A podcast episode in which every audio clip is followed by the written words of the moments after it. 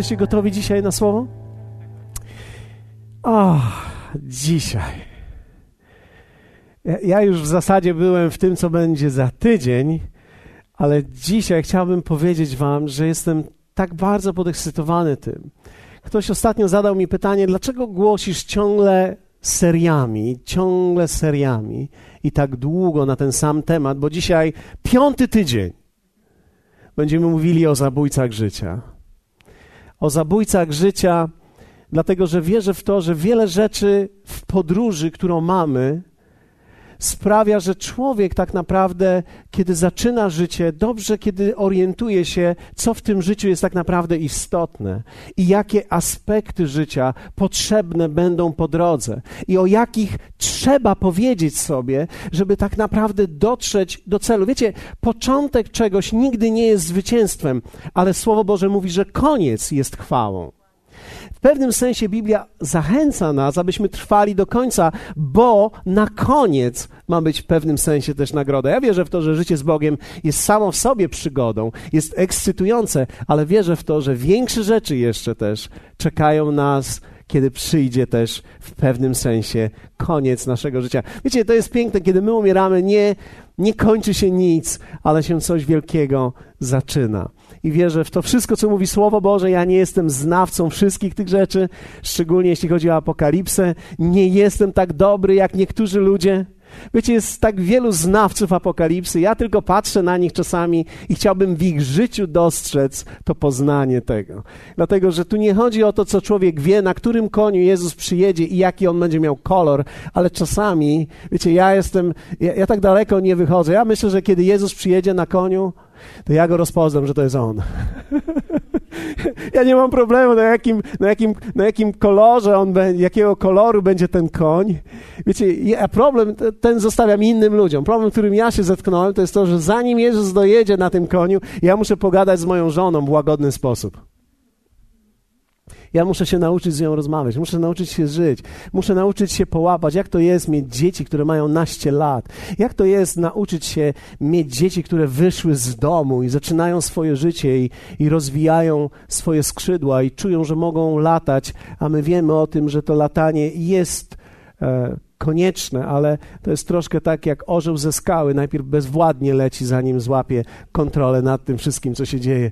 Więc my dopingujemy im. I to jest istota też życia. Więc tak naprawdę, kiedy mówimy o zabójcach, kiedy myślimy o tym, co może się przydarzyć, wymieniliśmy kilka z nich, o nieuzdrowionych zranieniach. Widzimy ludzi, którzy podążają za Bogiem, ale coś się dzieje gdzieś, mija 10-15 lat i tak naprawdę to, czym się nie zajęli na samym początku tej drogi, dotknęło ich po 10, 15, 20 latach. Coś przychodzi, że te nieuzdrowione zranienia zatrzymują ich.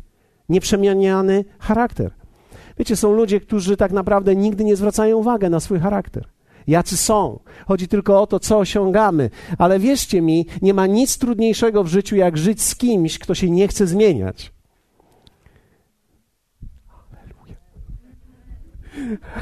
Nie ma nic trudniejszego w życiu, jak być z kimś, kto mówi: Taki jestem. Jak mnie brałaś, to widziałaś. No, w pewnym sensie można tak powiedzieć, chociaż muszę powiedzieć, że e, kiedy patrzę na moje zdjęcia, e, kiedy mnie moja żona brała, to się dużo zmieniłem. E, nie chcę powiedzieć, że na lepsze, ale zmiana jest dramatyczna, więc gdyby nie to, gdyby nie to, że coś jest wewnątrz, co dalej mnie moją żonę przyciąga do mnie, tak mam nadzieję. To fizjonomia, ona się zmienia. Człowiek się zmienia na zewnątrz. Nieprzemieniany charakter jest bardzo trudny. W kościele, we wspólnocie, w rodzinie widzimy ludzi, którzy nie zmieniają swoich charakterów. I tak naprawdę brak przemiany charakteru jest czymś, co zatrzyma cię po latach, bo ludzie się wyizolują. Kiedy zobaczą, że jesteś polem minowym, będą cię obchodzić kiedy nie można ci nic powiedzieć, bo ciągle się urażasz, a później trzeba cię przepraszać, a później w końcu, jak cię ktoś przeprosi, to tylko trzeba czekać. Następnym razem, jak wejdzie na twoje terytorium i jest kolejny wybuch, to się na drugi, trzeci raz omija taką osobę i mówimy jej wtedy w, kościele, w kościołach, chwała Panu. Chwała Panu. Machamy im i nie machamy im tak, tylko machamy im tak, mając nadzieję, że się nie zbliżą. Wiecie, to jest takie machanie na niezbliżanie. Hej, nie zbliżaj się do mnie. Nasz główny tekst, który mieliśmy przez te kilka tygodni, to był Ewangelia Mateusza, 13 rozdział, werset 24 do 30, kiedy mówiliśmy o tym, jak Jezus powiedział, Królestwo Boże podobne jest do człowieka, który posiał dobre nasienie. A później przyszedł zły w czasie, gdy on spał i posiał złe nasienie. I tutaj jest ciekawe to, ponieważ wiecie, Jezus od razu odziera nas z pewnego rodzaju iluzji. Królestwo Boże to nie są same dobre rzeczy, ale również wmieszane są często w to rzeczy negatywne, złe, które są posiane. I myślę, że tak jest w życiu każdego z nas, że mimo to, że chcieliśmy i staraliśmy się i robiliśmy wszystko, jak to jest możliwe najlepiej, to jednak są wewnątrz nas posiane rzeczy, które mogą nas zatrzymać. Dzisiaj ruszymy ten fragment, który zaczęliśmy w zeszłym tygodniu. To jest Ewangelia Łukasza, piąty rozdział. Pamiętacie, o czym mówiliśmy? O głębi, albo mówiliśmy o niebezpieczeństwie płytkiego życia. Powiedzmy razem, pójść na głębie. Ok. A wszedłszy do jednej z łodzi należącej do Szymona, prosił go, aby nieco odjechał od brzegu i usiadłszy nauczał rzesze z łodzi. A gdy przestał mówić, rzekł do Szymona: Wyjedź na głębie i zarzućcie sieci swoje na połów. A odpowiadając, Szymon rzekł: Mistrzu, całą noc ciężko pracując, nic nie złowiliśmy, ale na słowo Twoje zarzucę sieci. A gdy to uczynili, zgarnęli wielkie mnóstwo ryb. Tak, iż się sieci rwały. Skinęli więc na towarzyszy w drugiej łodzi, aby im przyszli z pomocą i przybyli i napełnili obie łodzie, tak iż się zanurzały. Widząc to, Szymon Piotr przypadł do kolan Jezusa, mówiąc: Odejdź ode mnie, panie, bom jest człowiek grzeszny.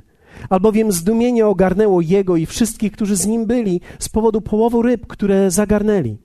Także Jakuba, i Jana i synów Zebedeusza, którzy byli towarzyszami Szymona. Wtedy Jezus rzekł do Szymona: Nie bój się, od tej pory ludzi łowić będziesz.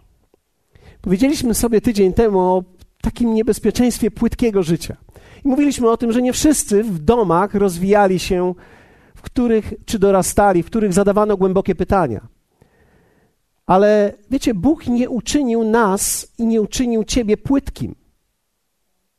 Bóg uczynił cię głębokim. Ja miałem okazję teraz być na spotkaniu Alfy Młodzieżowej i jestem pod wrażeniem tych młodych ludzi którzy zadają tak głębokie pytania i mają tak niesłychanie głębokie odpowiedzi. Byłem pod wrażeniem. Kiedy wyszedłem, ja miałem okazję tylko, tylko być tam i zrobić wykład i przeżyłem to. Wiecie, przeżywałem to bardziej niż wszystkie inne wykłady. I kiedy wyszedłem, pomyślałem sobie, udało się. Oni to przeżyli. Ale byli głębocy. Bóg nie uczynił nikogo płytkim. Wiecie, w pewnym sensie głębokości też trzeba się uczyć. I powiedzieliśmy sobie, co czeka nas na głębi. Że na głębi życia jest większy połów, większy owoc. Powiedzieliśmy sobie również, że głębia ściąga nasz wzrok z połowu na inne rzeczy. Spójrzcie, kiedy Piotr i uczniowie doświadczyli tego wielkiego połowu na głębi, natychmiast ich wzrok został skierowany z tego, co było tym połowem, czyli z ryb, na to, dlaczego to się stało. Kto to uczynił i dlaczego nam? Głębia ściąga nasz wzrok z tego, na co się stało, na to, dlaczego to się stało.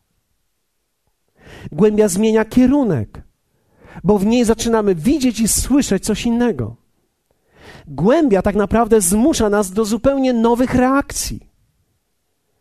Spójrzcie, reakcja Piotra, ona zawsze zadziwiała. Piotr nie zacierał dłoni i nie mówił, ależ będzie weekend. Ja i moja Krysia poszalejemy. Wyjdziemy na weekend, na Gruponie znajdziemy dobre ceny i w końcu odpocznę. Nie. Piotr, kiedy zobaczył tak wielki połów, przylgnął do kolan Jezusa i powiedział: Panie, odejdź ode mnie, bo jestem człowiek grzeszny. Ale również zobaczyliśmy, że głębia połączy nas z innymi ludźmi. Dlatego, że kiedy człowiek na głębi zaczyna doświadczać błogosławieństwa, zaczyna wołać inne łodzie: przyjdźcie i pomóżcie nam. To pokazuje nam, że Królestwo Boże, które jest głębokie, ono wymaga również połączenia z innymi. Ok, jesteście dzisiaj gotowi? Oto cztery obszary, w których możemy pójść głębiej. Wiecie, ja nie rozumiem nic poza punktami w życiu. Więc jeśli ktoś z Was zastanawia się, ile będzie zawsze punktów, było zawsze trzy, teraz coś zmieniłem w życiu, dajcie mi szansę. Cztery dzisiaj. Cztery obszary, w których możemy pójść głębiej. Myślę, że kiedy pójdziesz głębiej, doświadczysz dokładnie tego, co Piotr doświadczył. Myślę, że kiedy jeszcze raz zarzucisz, i też ciekawe jest to słowo jeszcze raz, ponieważ Jezus również w tym słowie pojedź powiedział do niego: wróć z powrotem. Jedna z najtrudniejszych w życiu rzeczy jest umiejętność powracania z powrotem. Wiecie, że łatwiej jest dołączyć się do czegoś, co jest nowe, niż wrócić z powrotem i wierzyć, że to, co było, może znowu zadziałać? To jest jedna z najtrudniejszych rzeczy. Głębiej w relacjach, po pierwsze.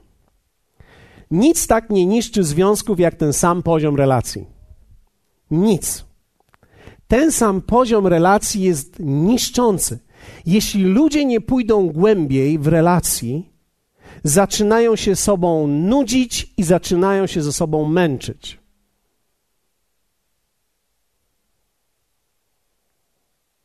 Dzisiaj mamy naprawdę wyciszoną grupę. Nie wiem, czy to tylko ja jestem. Jeśli ja się podekscytuję, wybaczcie mi, bo już taki jestem. Ja nie umiem tak na śpiąco mówić. Ja po prostu przeżywam to, a jeśli ściągnę marynarkę, to wybaczcie mi również, ponieważ naprawdę, wierzcie mi, te żarówki dają tutaj. Jeśli ludzie nie pogłębiają relacji z sobą, zaczynają się z sobą nudzić i męczyć.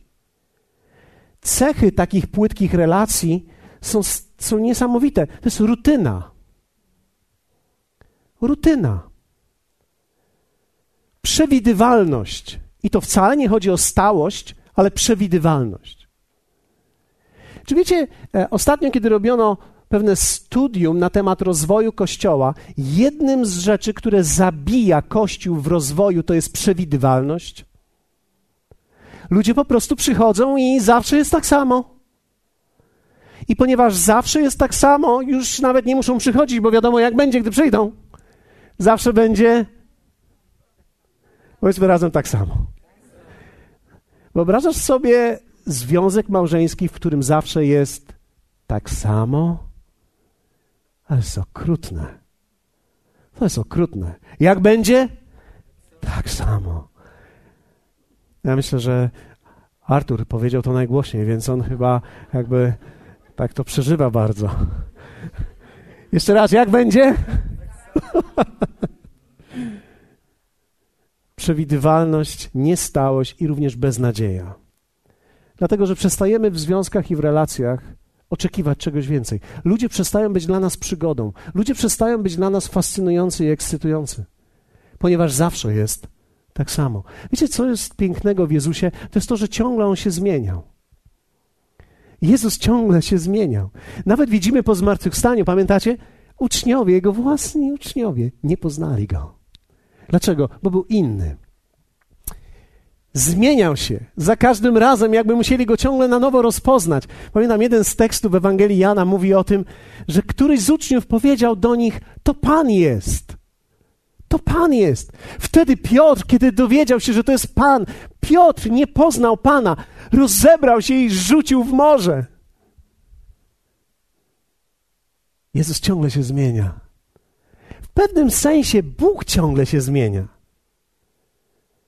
Zwróćcie uwagę, że to jest ekscytujące w życiu. I kiedy, wiecie, rodzą się dzieci, dzieci również nas ekscytują, bo dzieci się ciągle zmieniają.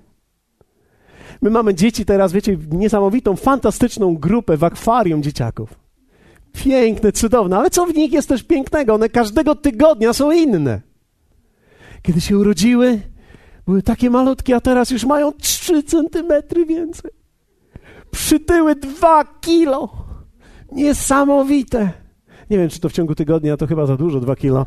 No, to, to ja przytyłem w ciągu tygodnia dwa kilo, ale, ale to jest niesamowite, że dzieci przytyły, dzieci zmieniły się. Miał włosy, gdy się urodził, a teraz nie ma włosów. A później znowu ma włosy. A później znowu nie ma włosów. Wiecie, to jest piękne, to jest pewien cykl życia, który sprawia, że się rzeczy zmieniają. Dzieci nas fascynują, bo się zmieniają. Niby ci sami, a jednak inni. Wiecie, ja chciałbym być z ludźmi, którzy ciągle są ci sami, ale ciągle inni. Nie ma nic gorszego, jak być z człowiekiem, który jest ciągle taki sam. Co u ciebie? To samo. Co u ciebie? Stara bida.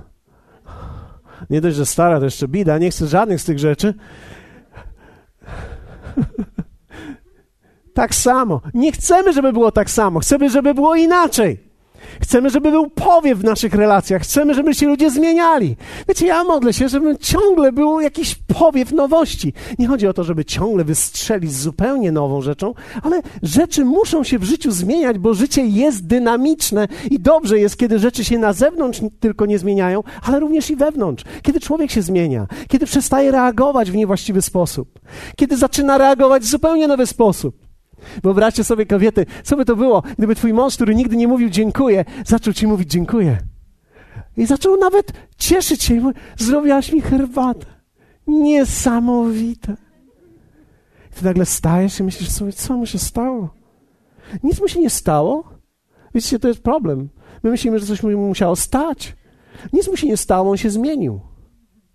I od tej pory będzie wywyższał każdą herbatę z Tobą razem. I teraz przyniesiesz mu kolejną herbatę, żeby sprawdzić, czy to naprawdę działa. Kochanie, podejdź tu, niech Cię uściskam. Ucałuję Cię, jaka jesteś cudowna.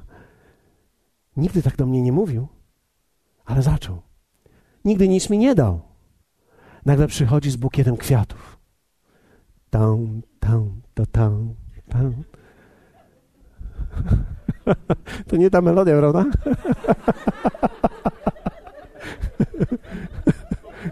Znaczy, ja nie mówię to, co żona czuje, to nie był podkład pod żony uczucia, to był podkład pod męża uczucia. On właśnie się zrujnował i już nie kupi sobie nowej wędki, kupił kwiaty. Mój Boże, jak można to zrobić? Zamienić coś tak wartościowego na coś tak nikłego. Ale o co chodzi? O te emocje. Chciałbym być ciągle z ludźmi, którzy się zmieniają. Wiecie, relacja sama się nie zmieni, kiedy ludzie się nie zmieniają. Relacja z ludźmi nie będzie głębsza, jeśli ludzie się w tej relacji nie zmienią. Patrzyliśmy, że nawet Bóg zmienia się w swoich formach. W Psalmie 42, w wersecie 8 czytamy takie słowa: Głębina przyzywa głębinę w odgłosie wodospadów Twoich. Wszystkie nawałnice i fale Twoje przeszły nade mną. Inne teksty, inne tłumaczenia mówią: głębia przyzywa głębie. To mówi mi jedno, że wystarczy jeden sygnał głębi, aby wszyscy poszli głębiej. Tu nie chodzi o to, żeby wszyscy ludzie stali się głębocy i, głęb, i w głębokie rzeczy szli, ale chodzi o to, aby jeden chociaż człowiek zaczął być głęboki. Wystarczy jeden, aby wszyscy poszli głębiej. Wystarczy jeden, który inaczej powie, wystarczy jeden, który, jedna osoba, która inaczej skomentuje, jedna osoba, która zada inne pytanie. Nie muszą wszyscy się zmieniać, aby coś zmienić. Niektórzy myślą, że nic się nie, nie zmieni w moim domu. W moim domu się na pewno nic nie zmieni. Może się zmienić bardzo wiele, to wszystko zależy od ciebie. Jeśli ty się zmienisz, wszystko się zmieni. Jeśli ty pójdziesz głębiej, wszyscy będą musieli pójść głębiej. Ktoś może powiedzieć, no ale jak oni pójdą głębiej, to utoną tam. Nie bój się. Nauczysz ich głębokości. Nie musisz od razu nurkować na 100 metrów. Najpierw weź ich na 10. Przyzwyczajaj ich do ciśnienia. Przyzwyczajaj ich do pewnej głębi. Przyzwyczajaj ludzi do tego, że z tobą można o głębokich sprawach porozmawiać. Co słychać? Fajnie, jak tam na działeczce? Wszystko dobrze. Wspaniale, aleluja.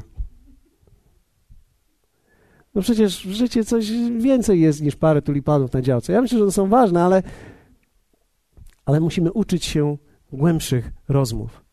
Wiecie, ja wierzę w to, że miejsce więzienia może stać się ogrodem kwitnącym, kiedy ja się wewnątrz zmienię. Nie trzeba zawsze wymieniać ludzi, aby coś zmienić. Niektórzy myślą, że jeśli tylko wymienię ludzi, to coś się zmieni. Niektóre kobiety siedzą i myślą tak: Ach, gdybym ja tylko wyszła nie za tego, ale za tamtego. Gdzie ja miałam oczy? Czy człowiek, gdyby mógł rzeczy cofnąć, i tak nie wiedziałby, czy zrobi dobrze. Dlatego, że my sercem wybieramy, nie oczami. Jesteście ze mną? Głębiej, kolejna rzecz, głębiej w biznesie, w pracy. Ktoś może powiedzieć, w kościele mówisz o pracy i o biznesie? Tak, trzeba umieć pójść głębiej w tym. Każdy człowiek, który pracuje, ma jakieś oczekiwania. Kiedy masz oczekiwania, musisz się również przygotować do tego. Przygotowanie jest częścią tak naprawdę pójścia głębiej, jeśli chodzi o pracę i biznes. Dlatego, że tylko wtedy, gdy będziesz przygotowany, gdy przyjdzie okazja, będziesz mógł w nią wejść. Wielu ludzi nie rozumie tego, że głębiej w pracy oznacza przygotować się na jutro. Być tym, który myśli, planuje. Jeśli oczekujesz wielkich rzeczy, zaplanuj je. Przygotuj się na nie. Pamiętam, jak często mój pastor mówił do mnie: Twoje przygotowanie dzisiaj to jest Twój sukces na jutro. Bez przygotowania nie ma w ogóle szans na cokolwiek. Wiecie, osiąganie wielkich rzeczy jest dla wielkich ludzi, nie dla wielkich okazji. Życie to nie jest gra w totolotka, gdzie ludzie stoją w kolejce i marnują czas tak naprawdę, szukając wielkości. Kiedy wielkość naprawdę w tobie dojrzeje, okazja cię znajdzie. Ale kiedy małość znajdzie okazję, to prawdopodobnie ją przegapi. A jeśli jej nie przegapi, to ją zmarnuje. Przygotuj się na wielkość. Twórz wielkość w sobie. Bądź lepszym pracownikiem. Ktoś może powiedzieć, ale ja nie mogę być lepszym pracownikiem, bo, bo oni wykorzystują mnie. To załóż własną firmę. Nie musisz 10 lat być wykorzystywany i nieszczęśliwy. Bądź mądry i pokaż światu, że coś można zrobić. To jest najłatwiej krytykować wszystko. Czasami się spotykam z ludźmi, którzy mówią: Nic nie działa, wszystko jest źle. Ja mówię: Okej, okay, skoro potrafisz ocenić cały świat, bądź mądrzejszy niż on. Zrób coś, co działa.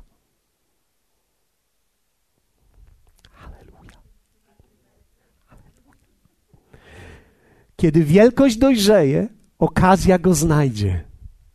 Kiedy małość znajdzie okazję, jeśli jej nie przegapi, to z pewnością ją zmarnuje. Jest taki ciekawy fragment w przypowieści, który mówi tak: Idź do mrówki leniwcze, przypatrz się jej postępowaniu, abyś zmądrzał. Nie ma ona wodza, ani nadzorcy, ani władzy, a jednak w lecie przygotowuje swój pokarm, w żniwa zgromadza swoją żywność. Leniwcze, jak długo będziesz leżał? Kiedy podniesiesz się ze snu? Jeszcze trochę pospać, trochę podrzemać, jeszcze trochę założyć ręce, aby odpocząć. Tak zaskoczy cię ubóstwo jak zbójca i niedostatek jak mąż zbrojny. Wiecie, zawsze się zastanawiałem, a co to jest takiego ciekawego w tej mrówce? No przecież to tylko mrówka jest. Co jest takiego w tej mrówce? No w mrówce to jest, myślę, interesujące, że ona robi coś we właściwym czasie. Ona w jakimś czasie przygotowuje się na kolejny czas.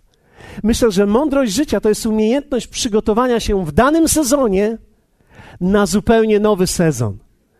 Myślę, że my też jako Kościół musimy mieć, być mądrzy i wiedzieć, Bóg ma w tym mieście wielki lud. Przygotowujemy się zatem na niego. Nie mierzymy dzisiaj tego wszystkiego według naszej miary. My patrzymy na to, co Bóg mówi do nas i idziemy dalej, ponieważ kiedy przychodzi i przyjdą rzeczy nowe, my chcemy być na nie gotowi.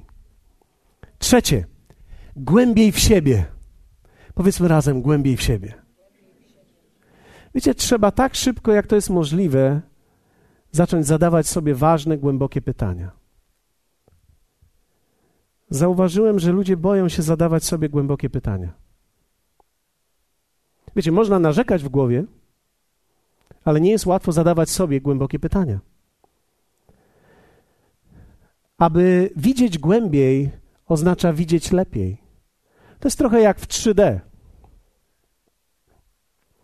Często, kiedy patrzymy nasze życie, na nasze życie, patrzymy na nie w jakimś takim podwójnym tylko wymiarze. Musimy umieć spojrzeć na potrójny wymiar.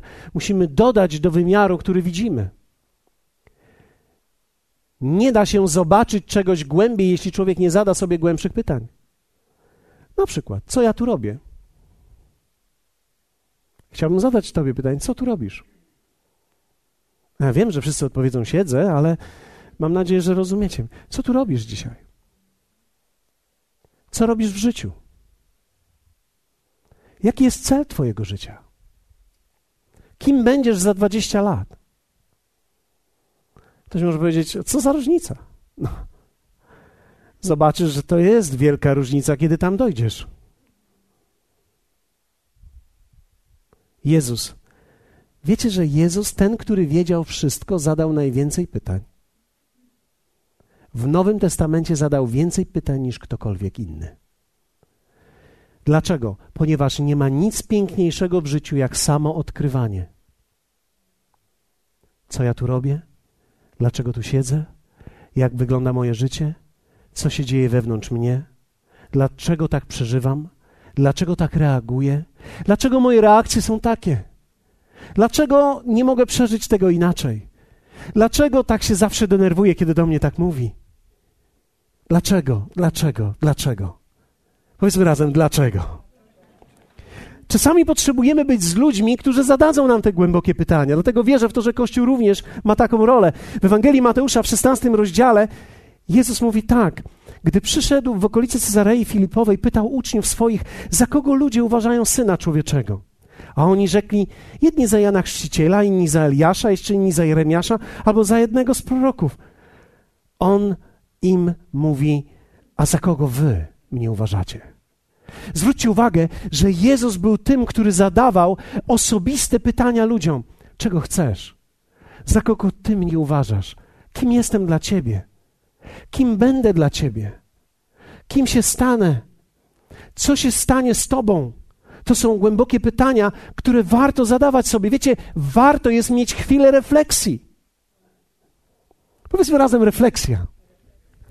Wiecie, w naszym życiu często nie mamy czasu na tą refleksję. Musimy znaleźć ten czas na refleksję. Dlatego, że rano, kiedy wstajemy, czasami budzi nas już radio. Tam, tam, tam. Albo włączamy telewizor. Musimy zobaczyć, co się dzieje tam na Ukrainie, co się działo, co się stało przez noc. Wiecie, Ukraina, jak znam życie, będzie dalej Ukrainą za dwa dni ale ty możesz się zmienić, kiedy znajdziesz chwilę refleksji dla siebie.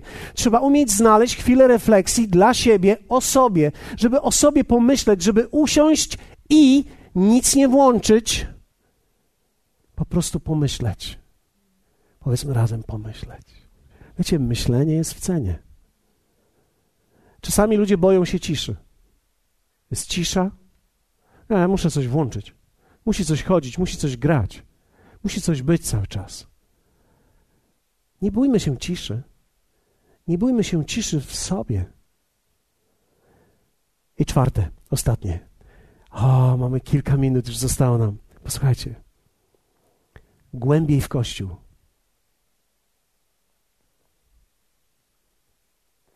Nie wiem, czy widać, że robię duże oczy, ale robię duże oczy. Coraz trudniej mi jest Wam pokazać. Robię duże oczy. Powiedzmy razem, głębiej w kościół. Czy wiecie, że można chodzić do kościoła w płytki sposób? Można. Można się przyzwyczaić, znać adres. Postoję, odstoję.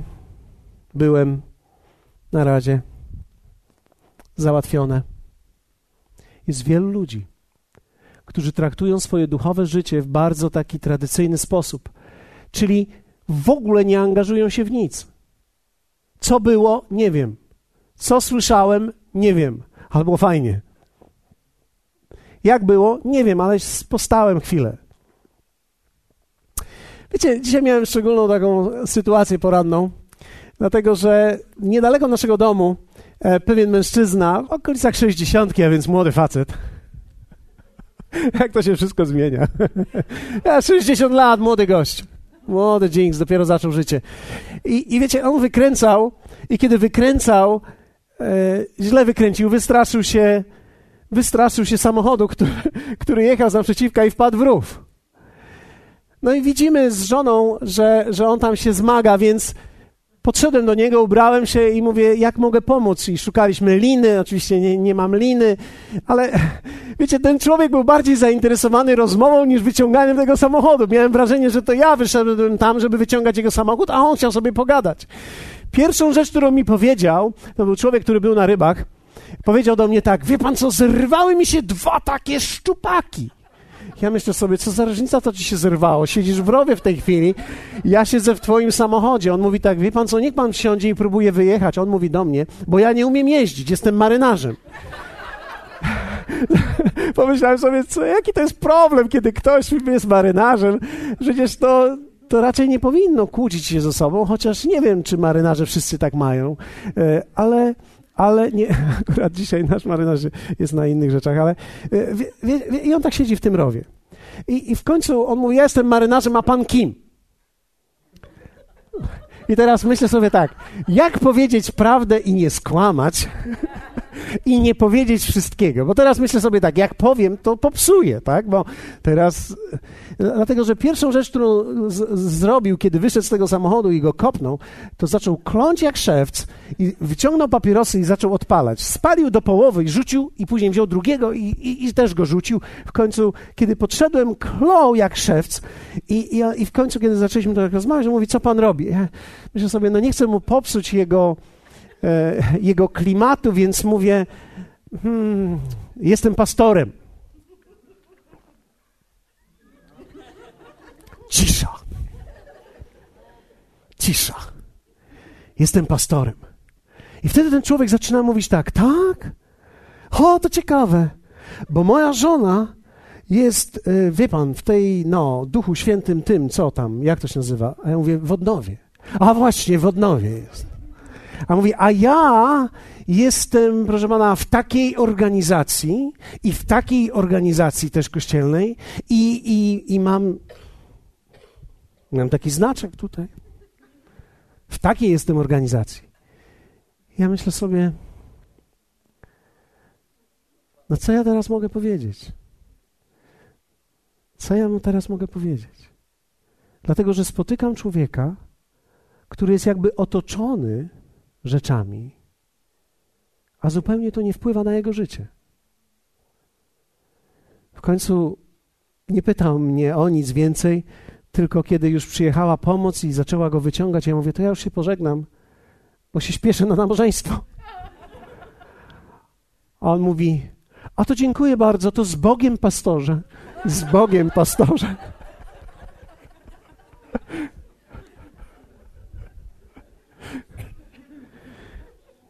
Ja myślę, że człowiek może nawet być religijny Człowiek może nawet być otoczony i w różnych organizacjach kościelnych i mieć żonę w tym tam, no, tym tam, wiecie, w tym tam, tym, nie?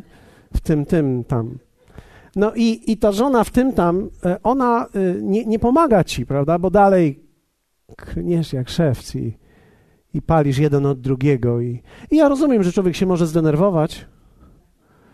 Rozumiem. Ale głębiej w kościół. Głębiej nie oznacza tylko aktywność, ale głębiej w sercu. Im luźniejszy jest Twój związek ze wspólnotą Kościoła, tym bardziej niezależny jesteś i ludzie to lubią. Ale tym samym mniej masz możliwości przemiany i rozwoju. Wiecie, ludzie czasami mi zadają pytanie i nie wiem dlaczego zadają mi to pytanie, ale myślę, że muszę to oficjalnie w końcu powiedzieć. Uwaga, uwaga. Wszystkie kamery teraz, uwaga. Mówię oficjalnie. Można tutaj przychodzić i nic nie robić. Jedna osoba się ucieszyła. A, super. Można tu przychodzić i nic nie robić. Nie trzeba być nawet w kościele tutaj członkiem, żeby być w kościele. Można po prostu przyjść, bo zostałeś przyciągnięty albo jesteś zainteresowany tematem i to jest wszystko w porządku. Tak można żyć. Ale myślę, że tak nie da się niczego zbudować w życiu. Trzeba pójść głębiej. Wiecie, dzisiaj żyjemy w takim świecie, gdzie ludzie chcą żyć razem, mieć dzieci razem, a w dalszym ciągu być osobno jakby. W razie czego to osobno jesteśmy. Jesteśmy razem, dzieci mamy razem, już dwójkę dzieci mamy razem, trójkę mamy dzieci razem, ale w dalszym ciągu jesteśmy oddzielnie. tak na wszelki wypadek. Ale tak się nie zbuduje przymierza, tak są, ta, to się nazywa układ. My potrzebujemy czegoś więcej niż układu, potrzebujemy dać swoje życie w coś. Wiecie, ja wierzę w to, że w Kościół również trzeba umieć się mądrze zaangażować i pójść głębiej. Nawet w małą grupę. Teraz mieliśmy, wiecie, wiele małych grup, jeszcze nie, nie zliczaliśmy, ale wiele małych grup było w tym tygodniu. Nie tylko tu w Koszalinie, ale również i w Słupsku i w różnych innych miejscowościach. I wiecie co? Nawet małą grupę trzeba umieć znaleźć. To jest wysiłek. To nie jest tak, że pójdę do domu i to jest wspaniale, bo czasami pójdziesz gdzieś, no i nie jest wspaniale. Pójdziesz gdzieś, no i ach, nie jest to ta grupa. Nie poddawaj się. Bóg ma dla ciebie grupę. Bóg ma dla ciebie ludzi. Przyjaźń jest ważna. Ja myślę, że jeśli ludzie wchodzą do kościoła i nie zawiążą przyjaźni, nigdy w nim nie pozostaną. Musisz mieć przyjaciół, z którymi jesteś, z którymi wypijesz kawę i z którymi się spotkasz pomiędzy spotkaniami. To jest głębia. I ktoś może powiedzieć: No, ale przecież to może mnie kontrolować moje życie teraz. Wiecie, ja się ożeniłem i to całkowicie skontrolowało moje życie, to prawda. Ale z drugiej strony, nigdy między nami nie było układu, ale było przymierze. I myślę, że to jest to, czego Bóg pragnie i kocha. W Ewangelii Jana, już kończę, 21 rozdział, werset 15, niesamowite słowa. Gdy więc spożyli śniadanie, rzekł Jezus do Szymona Piotra, to były ostatnie słowa. Szymonie, synu Jana, miłujesz mnie więcej niż ci? Rzekł mu, tak, panie, ty wiesz, że cię miłuję. Rzeczę mu, pasiowieczki moje. Powstańmy razem. Proszę kogoś do klawisza. Będziemy modlili się teraz o te rzeczy. Posłuchajcie mnie. Chciałbym, żebyście zwrócili uwagę na to. To jest niesamowity tekst. Niesamowity tekst. Jezus powiedział do Piotra takie słowa: Jeśli mnie naprawdę kochasz, jeśli mnie naprawdę kochasz, i ja mówię do ciebie dzisiaj, jeśli naprawdę kochasz Jezusa, jeśli naprawdę kochasz. Jezus mówi: Jeśli mnie kochasz, paś owce. Inaczej mówiąc, zajmij się moimi ludźmi. Jeśli mnie naprawdę kochasz, zajmij się tymi, których ja kocham.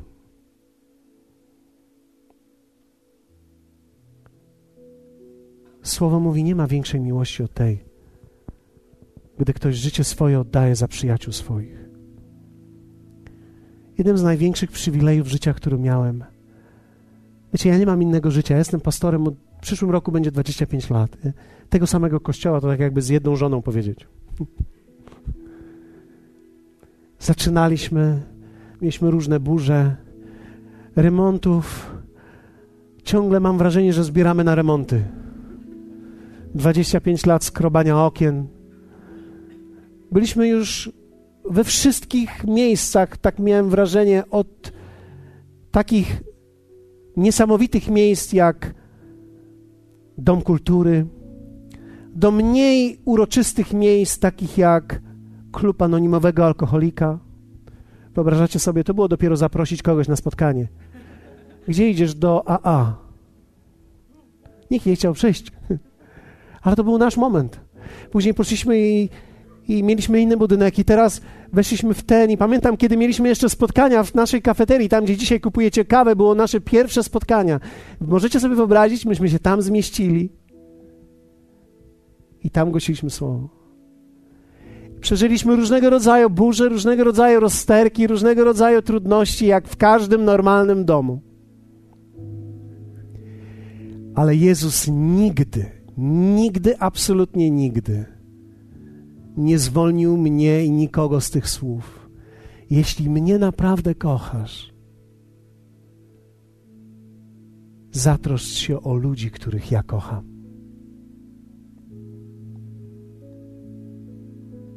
Ktoś może powiedzieć: No, ale to dotyczyło ciebie. Myślę, że to dotyczy wszystkich. Myślę, że Jezus dzisiaj mówi również do ciebie. Jeśli naprawdę Jego kochasz, pomóż komuś. Pomóż komuś go poznać. Sam go poznaj i pomóż komuś go poznać. Gwarantuję ci, nie znajdziesz doskonałego kościoła. Dlatego, że gdyby był doskonały kościół, to w tym momencie bylibyśmy już w niebie. Nie ma doskonałej wspólnoty, ale są zdrowe. I myślę, że ta również jest zdrową. Czuję się całkowicie bezpiecznie, kiedy dzieci wzrastają nasze tutaj, bo wiem, że to jest zdrowe i one będą miały zdrowe życie. Myślę już dzisiaj nie tylko o moich dzieciach, ale o wnukach i o tych wszystkich prawnukach i o całej tej chmarze, która nadchodzi.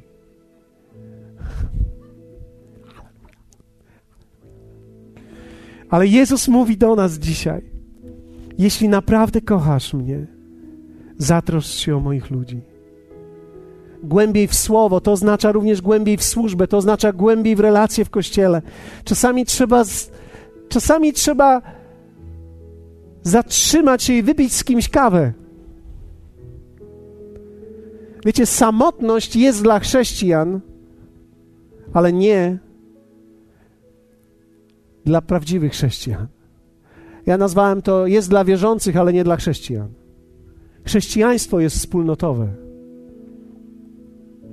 Kiedy czytamy dzieje apostolskie, pierwszy cud, który się zdarzył, wszyscy zaś, którzy uwierzyli, byli razem. Nie czytajcie drugiego tekstu, bo niektórzy mówią, wszystko mieli wspólne. O, o. O, o. Chcesz wrócić do komuny? O, o. Powiedz razem o, o. Powiedz do sąsiada o, o. O, nie, nie, nie, nie, nie, nie. Nie idźmy tak głęboko dzisiaj. Po co mamy iść tak głęboko? Wszystko mieli wspólne. Najpierw musi się zdarzyć cud. Byli razem. I teraz ważna rzecz. Kiedy jesteś z kimś i jesteście razem, to wtedy chcesz z tym kimś dzielić swoje życie. Wiecie, w naszej małej grupie mamy kilka osób, mamy. Kiedy jesteśmy z tymi ludźmi i coś się dzieje w ich życiu, my chcemy im pomóc i chcemy im pomóc z tego wszystkiego, co mamy. Dlaczego? Bo gdy jesteśmy razem, chcemy sobie nawzajem pomóc. Gdy ludzie są razem. Asia, stań ze mną tu. Okej. Okay. Ponieważ jesteśmy razem, ja chcę z nią dzielić to wszystko, co mam teraz moje dzieci przyprowadziły kolejne, a, a, kolejne dzieci przyprowadzają swoich kolejnych i teraz wczoraj usiadłem sobie i pomyślałem sobie, w tym domu jest pełno wszystkiego. Obcy ludzie chodzą po mojej kuchni, wchodzą do mojej lodówki. Psy, które nie są moje, moimi psami, biegają po moim domu. Pomyślałem sobie, wow, jaki jestem szczęśliwy. Absolutnie szczęśliwy Całkowicie. I się w ogóle tym nie przejmuję. Że wyjedli wczoraj cały mój makaron. I zjedli prawie cały rosół i zostawili mi tylko szyjkę na dzisiaj. Dlatego, że jesteśmy razem. Powiedzmy razem. Kiedy ktoś jest razem, nie boi się dzielić rzeczami. Dlatego dzisiaj chciałbym zachęcić zarówno tych, którzy nas oglądają, jak i jeśli jesteś dzisiaj tutaj. Będziemy mieli trzy stanowiska lub cztery do modlitwy. I jeśli chciałbyś modlić się, aby w którymś z tych obszarów pójść głębiej w swoim życiu, to jest ten moment. Jeśli ktoś z Was ogląda nas i chciałbyś modlić się o którykolwiek z tych obszarów, tylko przyszli swoje imię i nazwę tego obszaru. Czy to są relacje, czy to jest praca, czy to jest chciałbym wejść głębiej w siebie, albo być może chciałbym być głębiej w kościele. Albo może powiesz, ja nie mam swojego kościoła, mam wspólnotę, albo nie mam w ogóle, przyszedłem tu pierwszy raz. Okej, okay. Jeśli masz pragnienie modlić się o to, zapraszam Cię do przodu. Jeśli oglądasz nas, możesz wysłać swoje, swoje imię z tym obszarem, o który chcesz się modlić i będziemy modlili się tutaj całą grupą o Ciebie. A pozostałe osoby zapraszam do przodu tutaj do modlitwy. Chciałbym powiedzieć Wam, że nie ma nic piękniejszego w życiu, jak pójść głębiej, bo tylko tam jest prawdziwa owocność i prawdziwe życie.